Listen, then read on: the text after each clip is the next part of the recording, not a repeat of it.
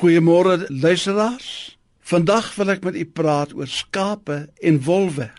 Jesus sê in Matteus 10 vers 16 in die Bybel vir sy disippels: "Kyk, ek stuur julle so skape onder die wolwe in."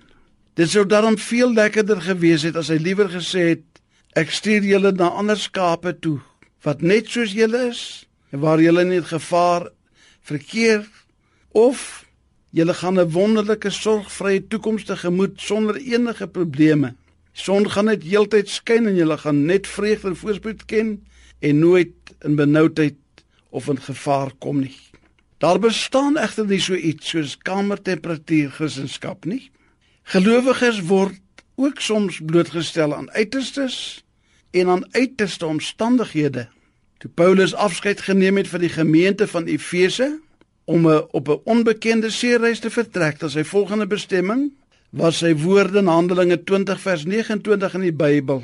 Ek weet dat na my vertrek daar wrede wolwe sal kom wat die kudde nie sal spaar nie.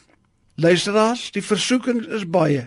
Die wolwe lê gereed om skape te verniel en te vang. Wolwe is lief vir skaapvleis.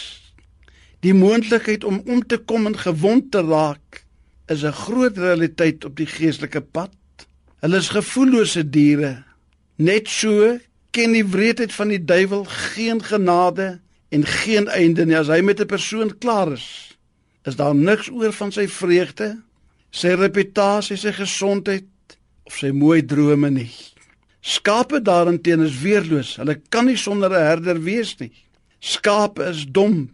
Hulle word gou prooi vir wilde diere. Daarom is hulle afhanklik van die leiding van iemand wat groter en sterker as hulle is. Jesaja 53 vers 6 sê ons het almal gedwaal so skape ons het ons eie pad geloop. Daarom is dit so merkwaardig dat Dawid jonk in sy lewe hierdie wonderlike ontdekking kon doen en 'n keuse kon maak vir die herder van Psalm 23 en daarna kon getuig en sê die Here is my herder. Hierdie herder voorsien vir sy kinders, hy lei hulle in die spore van geregtigheid, die moeilikste plekke van die pad. Hy verkoop ons op verskillende wyse deur sy woord en deur sy gees hy ondersteun ons in die tye van krisis. Hy gee vir ons vreugdeolie en salf ons met blydskap en hy gee ons ook rus in hierdie moeilike en besige wêreld. Hierdie keuse van Dawid was ook die geheim van sy sukses. Hy was 'n dapper kruisgeld, 'n formidable jong man wat op 'n jong ouderdom gevorder het vanaf skaapwagter tot koning. Maar die geheim daarvan was dat hy sy afhanklikheid van die goeie herder besef het en dit lewenslank onthou het.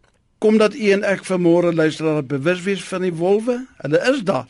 Hulle word elke dag deur die media ontmasker.